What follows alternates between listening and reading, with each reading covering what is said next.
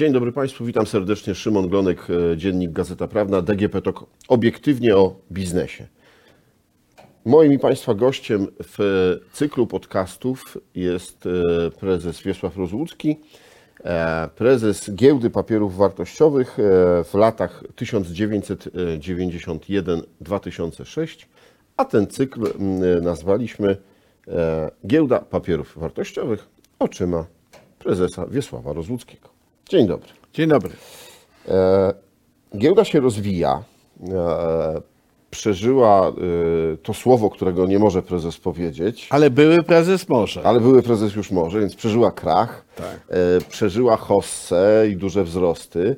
E, no i też e, giełda trochę okrzepła na rynku międzynarodowym, więc wchodzi w interakcję, we współpracę e, i w e, Światowej Federacji Giełd i e, w europejskiej, tak? Jest, e, pan został członkiem Rady Wykonawczej Europejskiej Tak. Federacji Giełd. Jakby pan powiedział trochę o tych organizacjach, czym one są, czym się zajmują, co taka współpraca daje?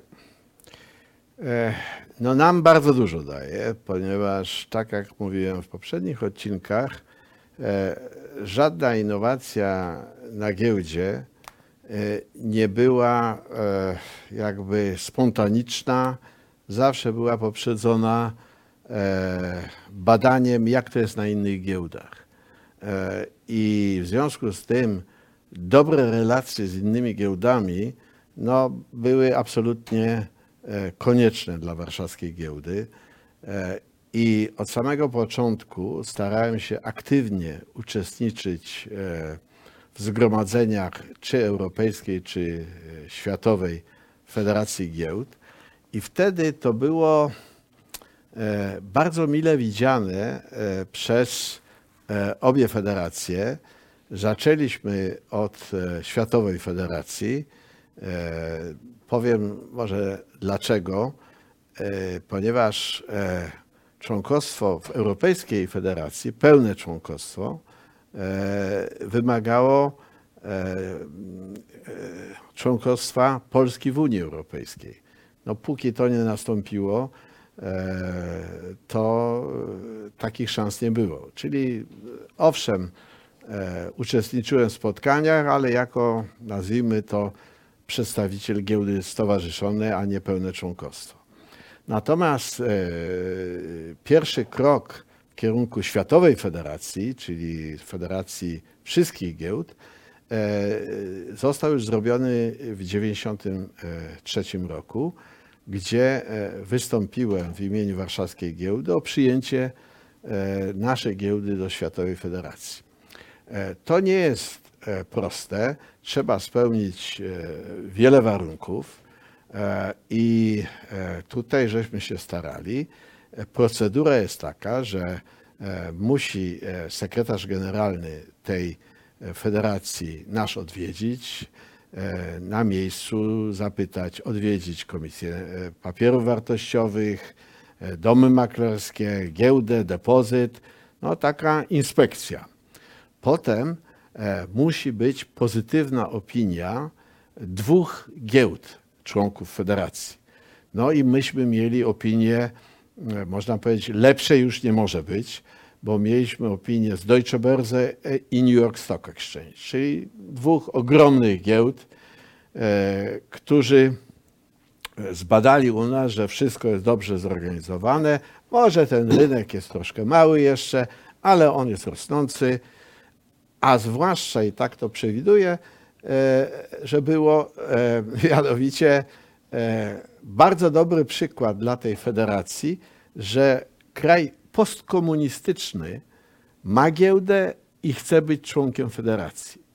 Czyli e, to, że e, ten świat giełdowy rozszerza się na nowy obszar i my jesteśmy pierwszym reprezentantem tego nowego obszaru, e, to było e, również oczekiwaniem tej federacji. Więc można powiedzieć, owszem, spełniliśmy wszystkie warunki, ale mm, jakby to powiedzieć, gdyby ktoś był e, szczegularzem, no to może by jeszcze musielibyśmy czekać przedpokoju. A tak e, e, e, zostało przyznane nam członkostwo. Pamiętam, też się tym denerwowałem, czy w końcu, bo to w końcu e, mamy pozytywne opinie, ale na końcu walne zgromadzenie federacji głosuje. Wszyscy głosują. E, I wtedy to walne zgromadzenie było e, w Korei Południowej, w Seulu. Ja się tam pojawiłem i druga kandydatura to była e, giełdy e, w, w Indonezji.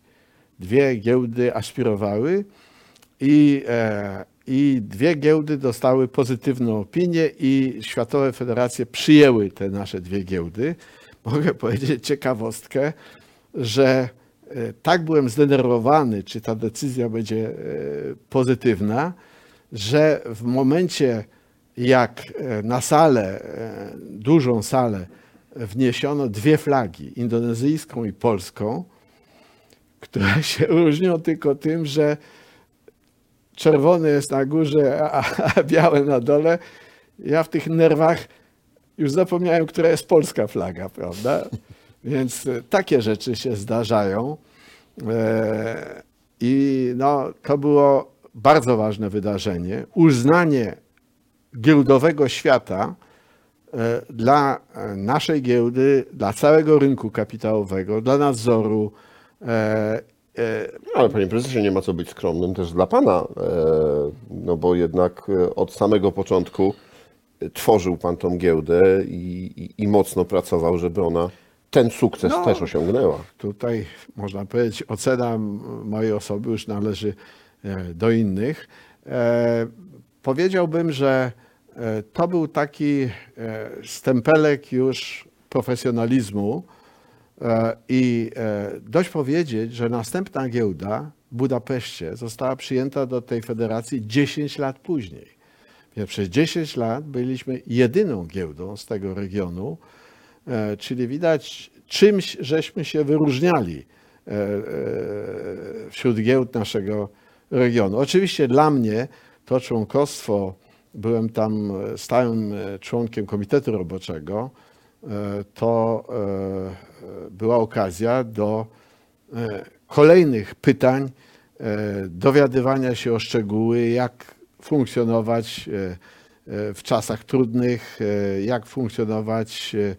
e, e, Przecież tu są, e, można powiedzieć, w, różnych operacjach giełdowych. Tutaj nie, nie czas i nie pora, i to są zbyt e, szczegółowe rzeczy, ale giełda się rozwijała przez lata e, 90. i właśnie każdego roku były takie nowe operacje, na przykład prawo poboru, e, e, które e, można handlować. Jak handlować nie akcjami, tylko prawem poboru do nowych akcji.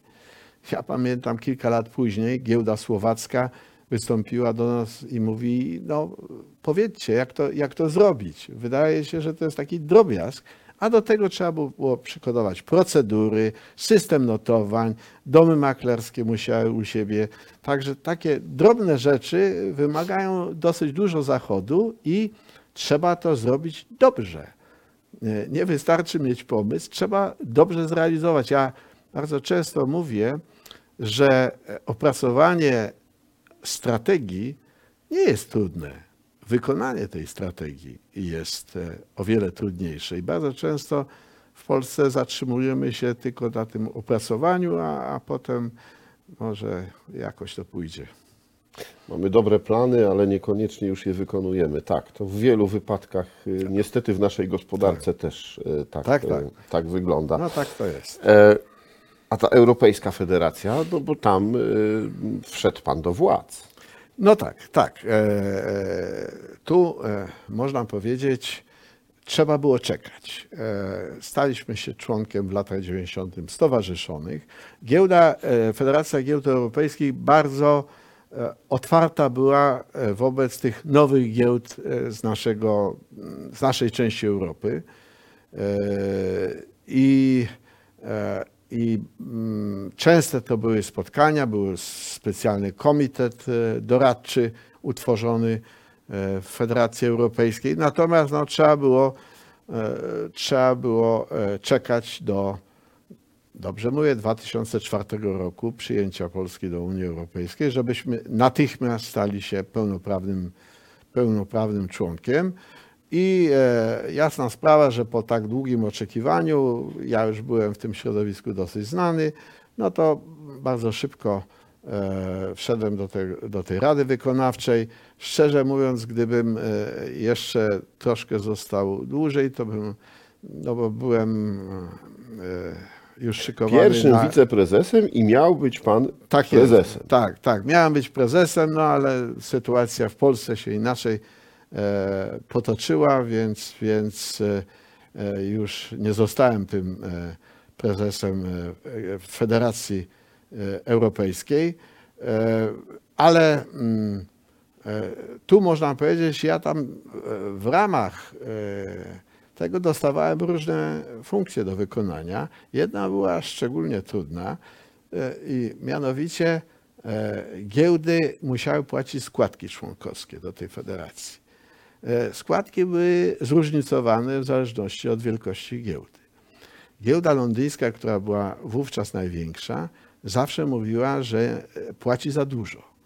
E, Inne, Frankfurt raczej cicho siedział, Paryż też mówi, że trochę za dużo i tak dalej.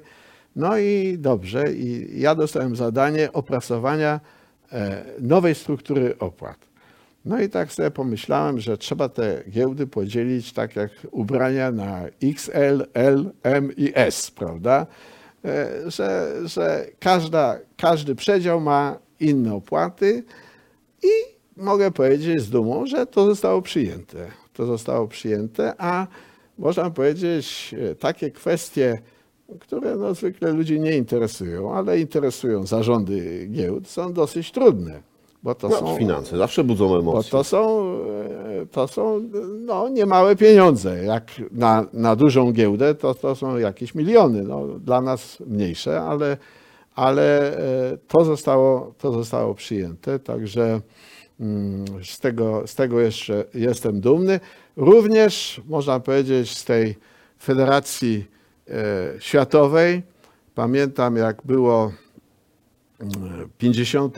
rocznica e, powstania federacji.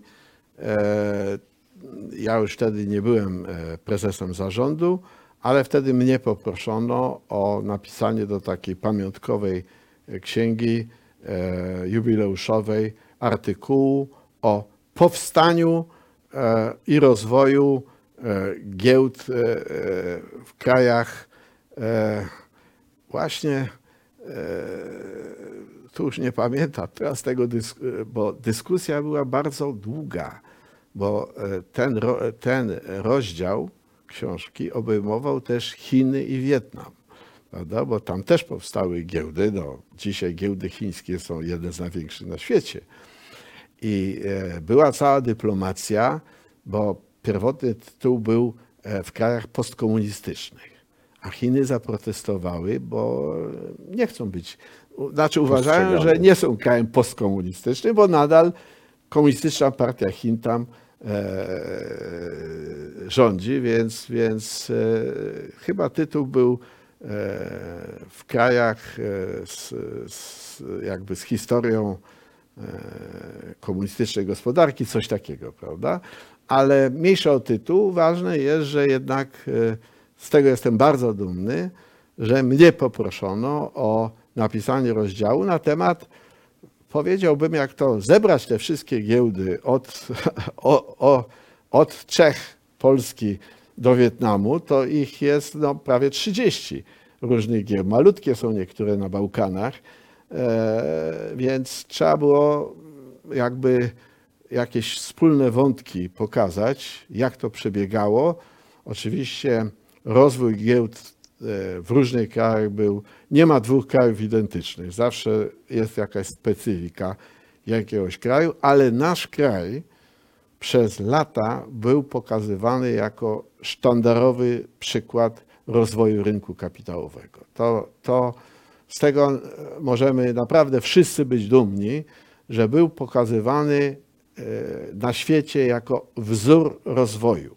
Wzór rozwoju przez te wszystkie etapy żeśmy przechodzili od, e, no, od czystej kartki do zaawansowanej giełdy, która już pod względem e, jakby organizacji już właściwie należy do, e, do giełd rozwiniętych.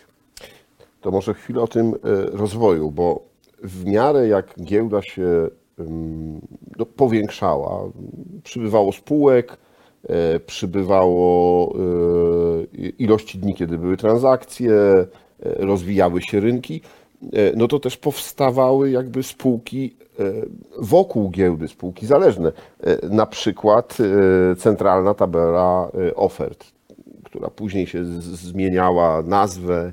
E, Po co były te spółki? Czemu nie, e, jakby nie rozbudowywał Pan struktury wewnątrz giełdy, tylko jednak pewne rzeczy, pewne zadania były zlecane do zewnętrznych firm? Teraz, wie pan, e, sięgam pamięcią, czy myślimy o tym samym, bo centralna tabela ofert e, to było e, e, wydarzenie, czy inicjatywa konkurencyjna do giełdy. E, Mianowicie mm, był taki pomysł, e, który miał też zwolenników e, w Stanach Zjednoczonych, bo w Stanach Zjednoczonych była wielka giełda nowojorska i coraz większy Nasdaq, czyli giełda założona początkowo przez e, domy maklerskie, która do dzisiaj konkuruje z giełdą e, nowojorską. Zresztą dzisiaj tych konkurentów tam jest o wiele więcej, ale, ale ponieważ Amerykanie zawsze uważali swój rynek za najlepszy, i, no i trudno im zaprzeczyć, to uważali, że jak jest giełda, to powinien być jakiś rynek pozagiełdowy, zorganizowany, odrębny. To samo e, e, za to samo w Rumunii zaproponowali i zrealizowali. Tam się nazywał nie Nasdaq, tylko Razdak, więc, e, a u nas centralna tabela ofert. E, I, e, i, I to powiedziałbym, ja byłem temu przeciwny. Uważałem, że w połowie lat 90. No tu inicjatorami były Domy rzeczywiście maklerskie. domy maklerskie i banki.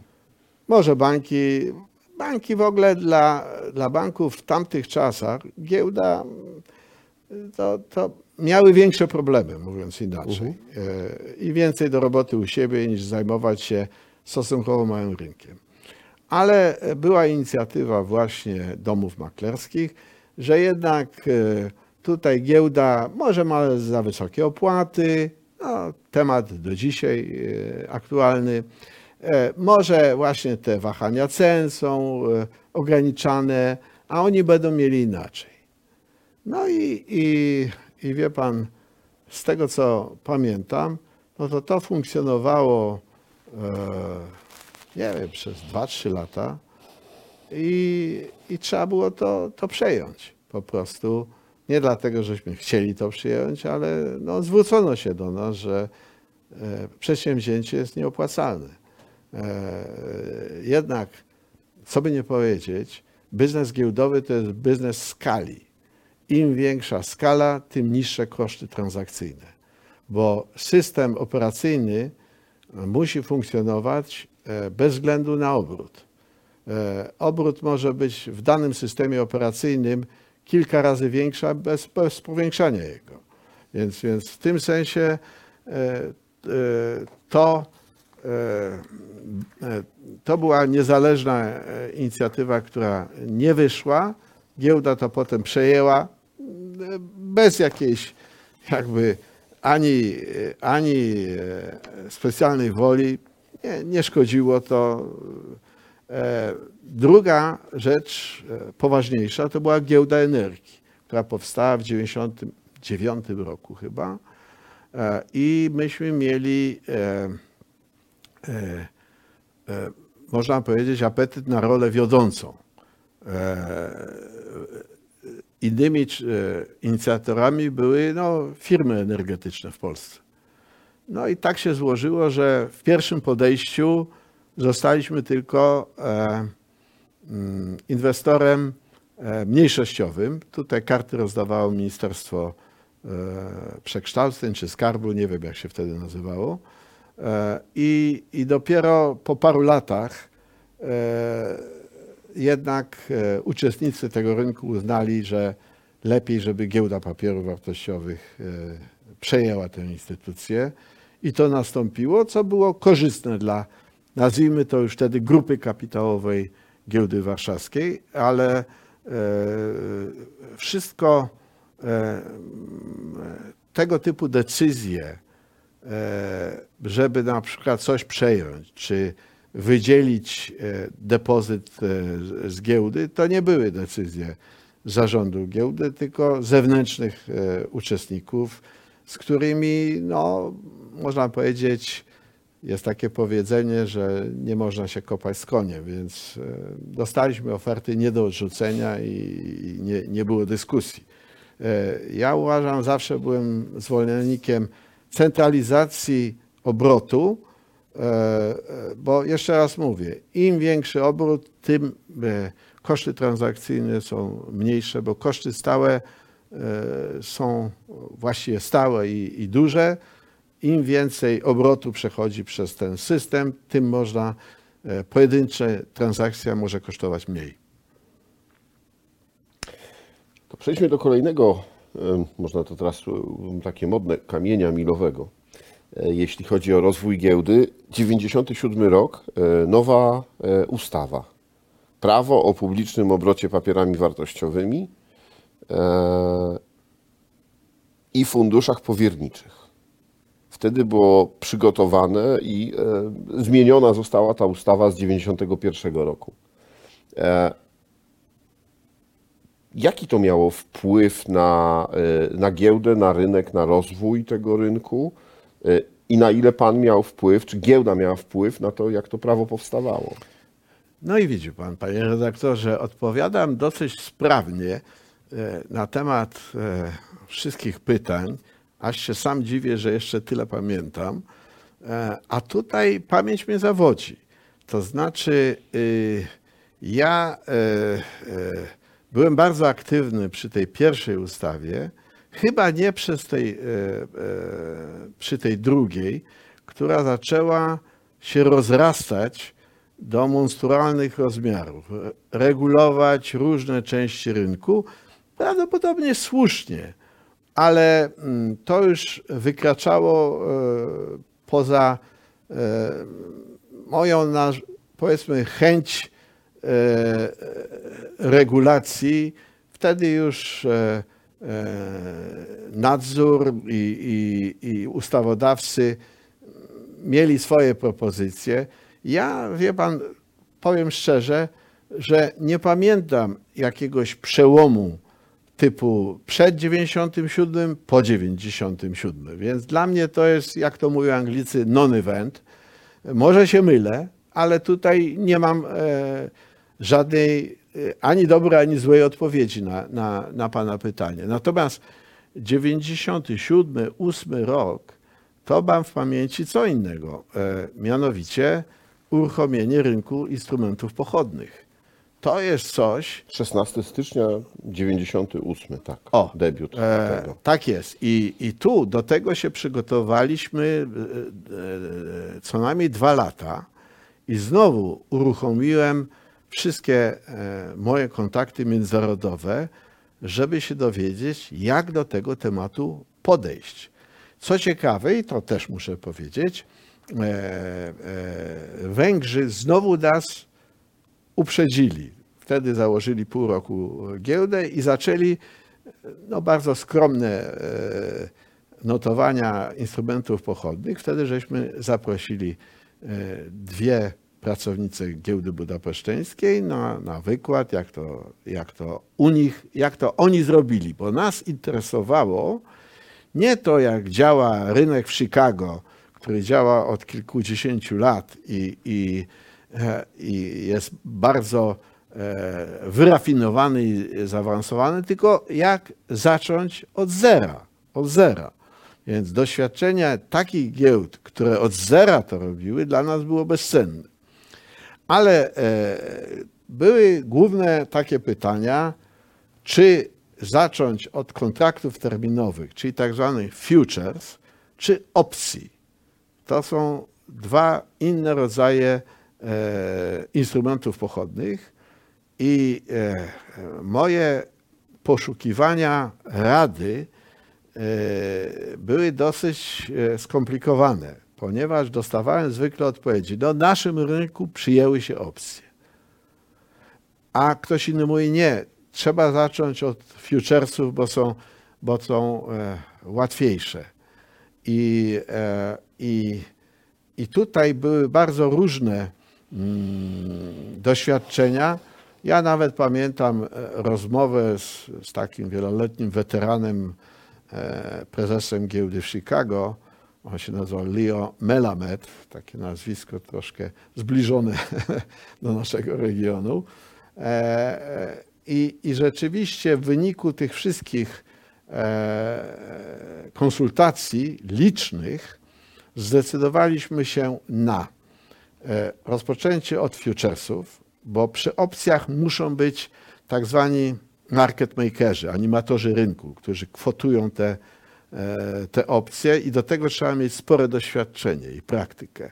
Przy futuresach to nie jest potrzebne, więc to właściwie był ten główny, główny czynnik. E, I, I druga rzecz, e, co mi przypominała początek giełdy 7-8 lat wcześniej, czy to ma być rynek parkietowy, czy rynek elektroniczny. W tamtych czasach e, większość instrumentów pochodnych była na parkiecie. E, We Francji, w Anglii, w Niemczech, w Stanach Zjednoczonych. Piękne obrazy. To znaczy, w ogóle jak się obserwowało parkiet giełdowy, szczególnie na, na instrumentach pochodnych, e, gdzie ci maklerzy byli e, w tych kręgach notujących, ubrani w różnokolorowe kamizelki. E, I, i e, czy to było właśnie w Chicago, czy, czy w Brazylii, czy, czy w Singapurze, to wszystko są niesamowite widoki. Cała ta gestykulacja. E, mnie to zdziwiło, jak można w dwie sekundy pokazać na przykład liczbę 1953 palcami. Więc e, coś niesamowitego taki. Tu znów wracamy do trochę tych emocji, które, Tak, tak, ten- które ten temu... teatr. No i, i, i dobrze. No dobrze, to mamy salę giełdową. Można tam zrobić tak zwany PIT, czyli ten e, e, system notujący. E, ale ja pamiętam wizytę w Chicago e, na Chicago Mercantile Exchange, gdzie zapytałem, jak to się dzieje, że tutaj tymi gestami, ten zawarł transakcję, to trzeba e, dłoń obrócić tę, w tamtą stronę, no, skomplikowane. Jak potem dochodzi, czy tam nie ma błędów? Wie, wie pan, są błędy. Mniej więcej 4% zawartych transakcji po sesji okazuje się, że, że to były błędne. Błędne. 4%. Kurczę, to ja sobie myślę, co by u nas się działo, co by u nas Komisja e, Papierów Wartościowych powiedziała, że mamy tyle błędów w czasie jednej sesji. E, Niewykonalne.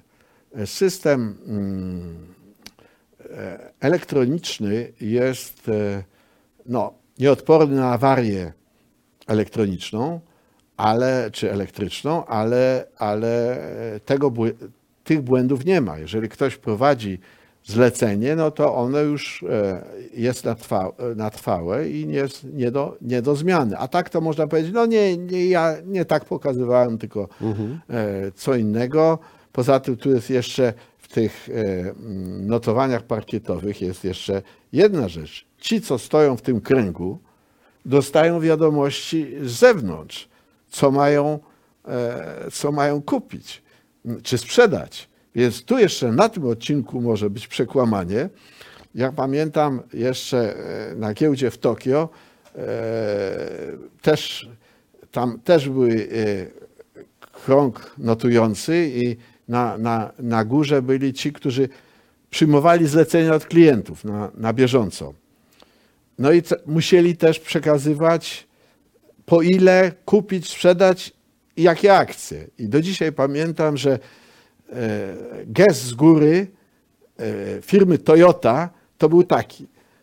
Czyli jak ktoś tak mówił, to chodzi o Toyotę, prawda? Kupić, sprzedać, więc, więc e, e, tego się... Maklerzy musieli się uczyć własnego języka migowego. Oczywiście, oczywiście, co wymaga sporo czasu, a ponieważ nasza giełda już była przygotowana do e, e, handlu elektronicznego, e, to od razu żeśmy zdecydowali się na mm, handel elektroniczny i można powiedzieć w ciągu dwóch, trzech lat wszystkie te giełdy parkietowe też przeszły na e, system elektroniczny.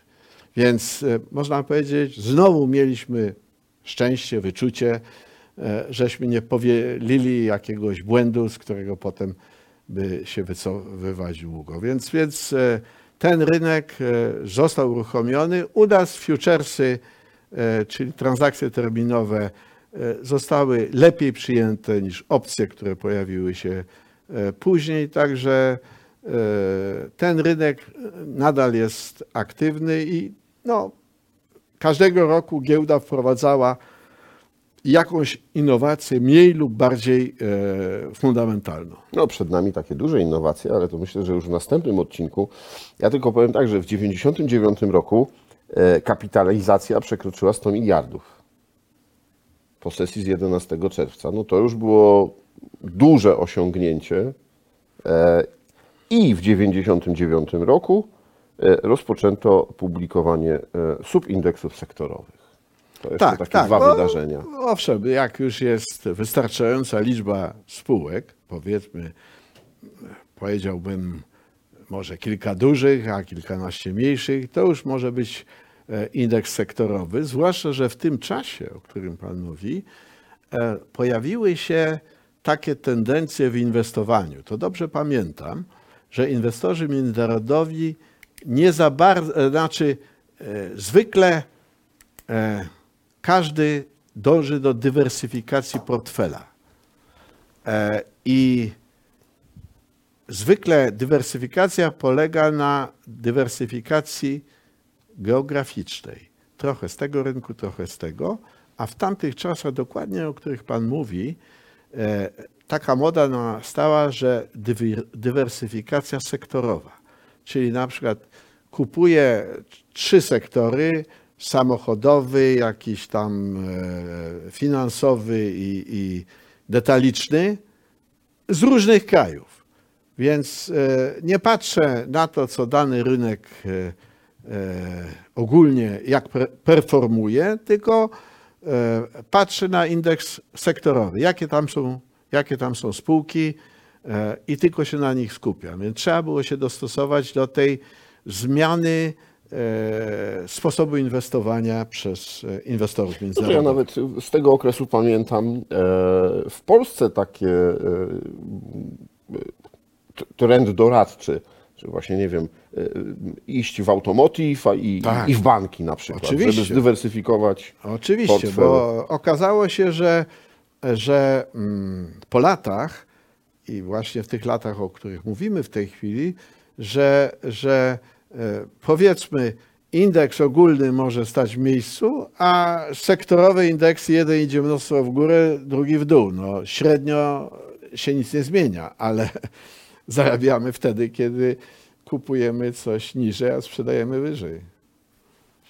Stara prawda giełdy. Panie prezesie, dziękuję bardzo. Dziękuję również. E, Drodzy Państwo, e, zapraszam Państwa do tego, żebyście byli z nami, oglądali następne odcinki, ale też e, oglądali i słuchali, bo to oczywiście ci, którzy nie chcą tylko oglądać, no to można nas też znaleźć na platformach podcastowych, więc zachęcam do wysłuchania poprzednich odcinków. E, Dużo wiedzy na temat o e, inwestycji, na temat giełdy, tego jak powstawała, a przy okazji jak to wpływało na polski rynek. Moim Państwa gościem był e, Wiesław Rozłucki, e, prezes Giełdy Papierów Wartościowych w latach 1991-2006. A rozmawiał Szymon Glonek. Do zobaczenia.